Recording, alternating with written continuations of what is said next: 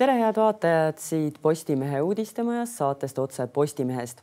tänases saates räägime talvistest liiklusoludest.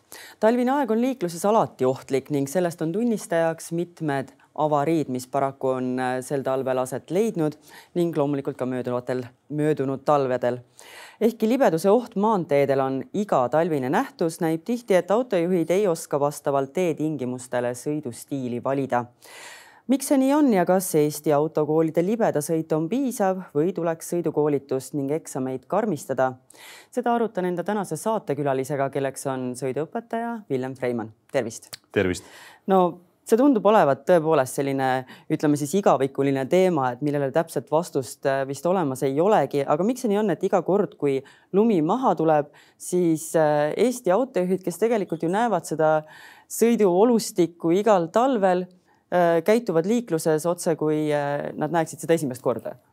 No küllap see on äh, riskide teadlikkuse küsimus, äh, kas inimene neid võimalikke riske taipab teadvustada, äh, kas ta oskab hinnata enda kogemusi ja, ja kas ta oskab hinnata enda sõiduki omadusi.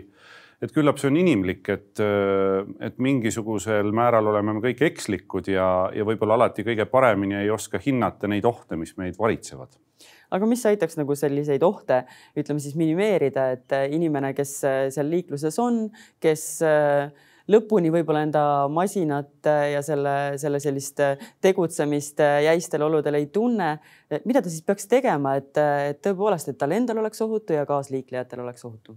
no sellest on palju räägitud ja on, on erinevaid meetmeid, teooriaid ja vaatenurki. üks kõige lihtsam vastus sellele küsimusele oleks ju äh, kiirus kõiki äh, tingimusi, mis on äh, meie ümber, me ei saa muuta, me ei saa muuta, kas on suvi või talv, päev või öö või kas me oleme kogenud või, või vähe kogenud. aga kiirus on üks selline mm, hoob äh, või, või parameeter, mida me saame muuta hetkeliselt ja mis annab meile ka kohest efekti.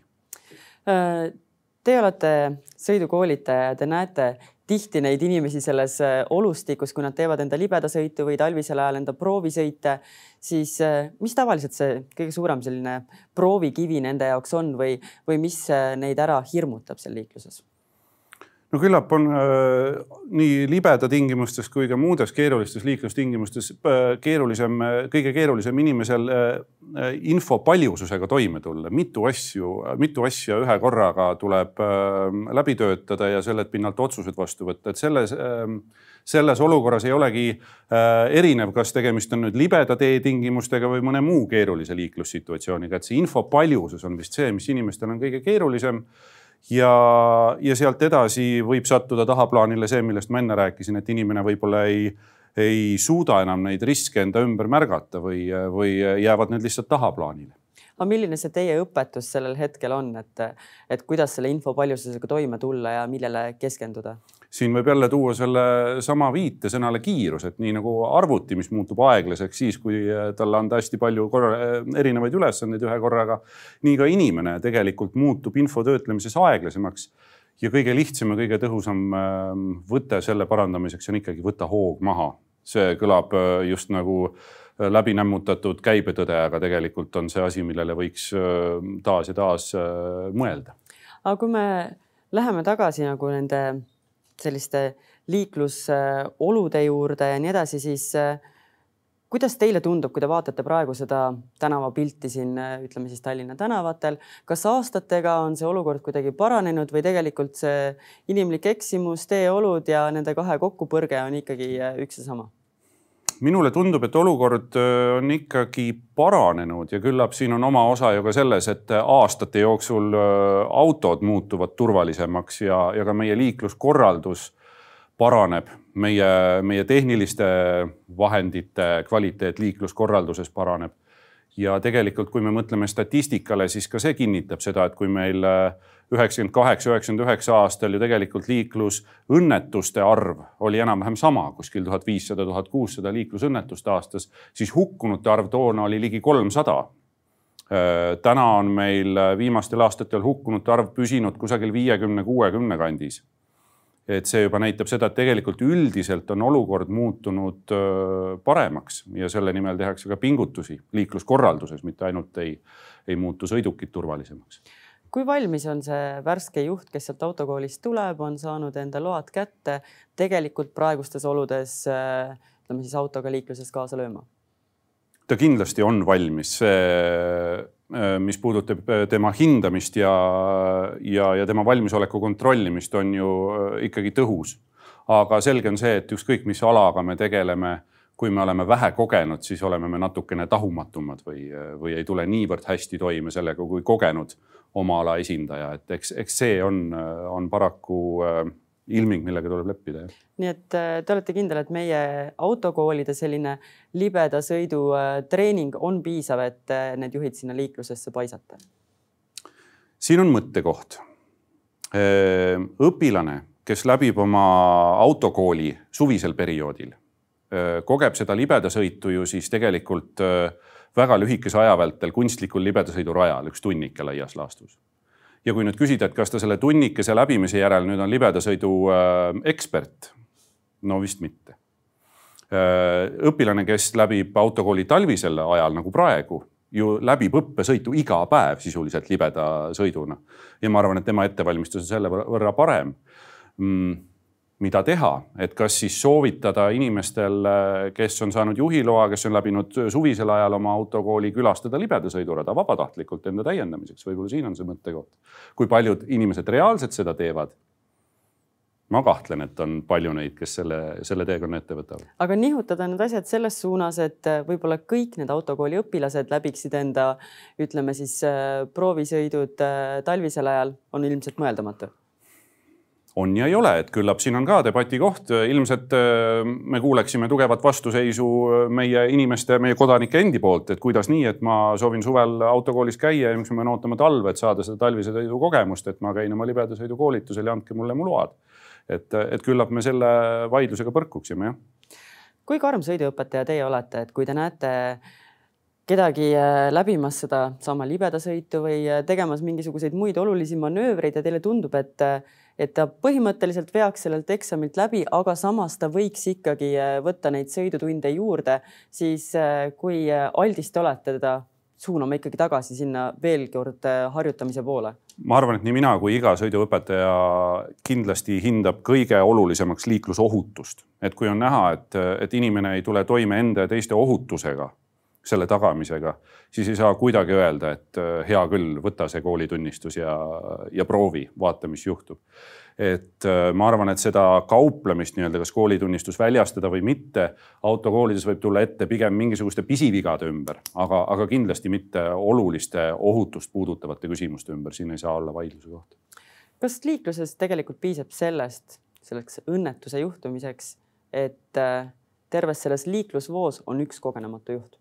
Et selles mõttes, et sa võid ju jälgida seda, et sa ise sõidad hästi, sa võid jälgida seda, et su ümberkaudselt inimesed et sa ütleme siis niimoodi, et ignoreerid nende mingisuguseid valemanöövreid, aga tegelikult vist, kui seal on üks juht, kes ei jälgi seda kõike, siis. absoluutselt ja, et, et me oleme võib-olla noh, mitte kõik, aga, aga paljudki meist on ju olnud osalised liiklusõnnetuses, kus meile sõidetakse otsa. et see ju kirjeldabki seda nii-öelda hüpoteesi või seda väidet, et piisab kogenematu juhi eksimusest, mis võib sind otseselt riivata kuigi sina oled omalt poolt kõik õigesti teinud, et jaa, loomulikult. mis on need asjad, mis äh, teid liikluses äh, häirivad või teil silma kriibivad, et kui te ise niisama vabal ajal enda autoga siis sõidate Tallinna tänavatel, siis mis teile peamiselt silma jääb? mida teevad autojuhid valesti? Eh, ah, autojuhtide mõttes, mina pidin just pöörama oma pilgu liikluskorralduse peale. No,. et, et ma tean, et, et liikluskorralduse parendamise, edendamise osas teeb Transpordiamet kindlasti väga head tööd ja, ja see on tegelikult omaette teadus, et, et me kõik püüame parimat, aga kui märgata liikluses mõnda sellist ilmingut või nähtust just ülesehituse või korralduse poole pealt, mis ei ole hästi õnnestunud, siis see minu silma riivab tegelikult kõige rohkem, et ma ei asetakski seda äh, Äh, vastutust esimeses äh, etapis kohe autojuhile, vaid just liikluskorraldusele. ma tahaks öelda seda, et liikluskorraldus ideaalis peaks olema selline, millest ka kõige äh, noh, ütleme lihtsama taibuga autojuht kohe aru saab ja kui me kohtame selliseid elemente liikluses või selliseid ähm, lahendusi, mida tuleb eelnevalt mitu korda läbi sõita ja, ja selle üle juurelda ja, ja analüüsida ja siis jõuda selle tulemusele, et aa, ja, ja see käib nii, siis see ei ole hea liikluskorraldus. ja siis me ei saa rääkida autojuhtidest, kes ei tule olukorraga toime esimeses etapis, kui liikluskorraldus äh, on, äh, on selliselt äh, kujundatud et jah, palun. kui palju Tallinnas selliseid kohti on, kus äh, teil võtab kukalt kratsima, et, äh, et mis siin täpselt toimub või et siin võiks olla teistmoodi? jah, neid kohti võib leida siin ja seal, et äh, piirkonniti võib-olla äh, Õismäe ringristmikud on sellised, millest ka kõik autokoolide õpetajad on teadlikud, millest, äh, kui me räägime Tallinna piirkonnast ja millest ka kõik eksamineerijad on teadlikud ja mille kohta lihtsalt nenditakse, et need on sellised äh, elemendid liikluses, mis tuleb lihtsalt eelnevalt äh, korduvalt läbi käia, selgeks õppida ja alles siis on võimalik need õigesti lahendada. et see on võib-olla kõige, kõige levinum ja kõige tuntum näide, aga, aga neid väikesi äh, killukesi või detailikesi võib leida muidugi veel sellisel kuival äh, lumevabal perioodil on teie peamiseks liikumisvahendiks vist hoopiski mootorratas, et kui hästi kõik need erinevad liiklusvahendite grupid ja sealhulgas ka jalakäija meie liikluses hakkama saavad ja teineteisega arvestavad? Ma arvan, et äh, saavad, et, et selline võistlevuse moment minu arvates liikluses on küll oluliselt vähenenud. ma mäletan seda aega, kui ma ise tegin äh, juhiload ja, ja see jääb siis äh, üheksakümnendate lõpupoole, et siis oli liikluses võib-olla rohkem sellist agressiivsust või nagu võistlevust näha, et, et praegu minule tundub, et inimesed on teineteise suhtes ikkagi heatahtlikud, arvestavad ja, ja valdavalt meelestatud positiivselt. muidugi üksikute eranditega kahjuks, aga, aga valdavalt on inimesed ikkagi head ja toredad aga võib-olla üks äh, liiklejate grupp, kes on jäänud äh, äh, ma ei tahaks öelda tähelepanuta, aga võib-olla ei sobitu hästi liikluspilti, on, on kergliikluri, kergliikurid, need elektritõuksid, millest on palju juttu. ja teine õnnetu grupp, kes võiks sobituda, aga on teenimatult kuidagi hammasrataste vahele sattunud, on jalgratturid. et ma võib-olla mootorratturina nii palju ei tunnegi seda ähm, noh, konfliktsust, kuivõrd, äh, kui ma märkan jalgratturite ja nende tõuksi juhtide puhul seda. aga räägime nendest tõuksidest, kuidas nad äh, teie hinnangul seda liiklusvoogu takistavad või, või segavad või, või siis ohtlikumaks muudavad? ma ei arva, et nad väga takistavad, aga küllap on nende ettevalmistus ju väga kaootiline, et tõuksijuhil ei peagi ju tegelikult olema mitte mingisugust juhtimisõigust, piisab, kui tal on rahakott, ta maksab selle eest, ta võtab selle renditõuksi ja asub liiklusesse samuti ei pea tal olema mitte mingisugust äh, väljaõpet, kui nii saab öelda, et ta ei pruugi sisuliselt osatagi sellega toime tulla. Äh, loodame siis heale õnnele, et ehk ta siiski tuleb. et see on see probleem, et inimeste hulgas on ju taiplikumaid ja vähem taiplikumaid ja, ja need õnnetud, kes siis nii taiplikud ei ole, satuvad reeglina siis hammasrataste vahele. aga räägime jalakäijatest talvistes oludes, et kas äh, jalakäijad on tihti mõtlematud, et äh, selle peale, et talvistes oludes tegelikult see autojuhi reageerimiskiirus, pidurdamiskiirus on ju hoopis midagi muud kui suvisel ajal. et äh, kas äh, see seab juba omakorda ohtu selle ülejäänud liiklusvoo? no kahtlemata jalakäija võib olla mõtlematum selles osas, kui tal ei ole näiteks endal isiklikku liikluskogemust, kui tal endal ei ole juhilube, ütleme siis lihtsas keeles, siis ta ei oska ju arvestada sellega, mida autojuht peab tegema selleks, et tagada tema turvalisus. kas see nüüd üldist eh, liikluspilti ohtlikumaks muudab?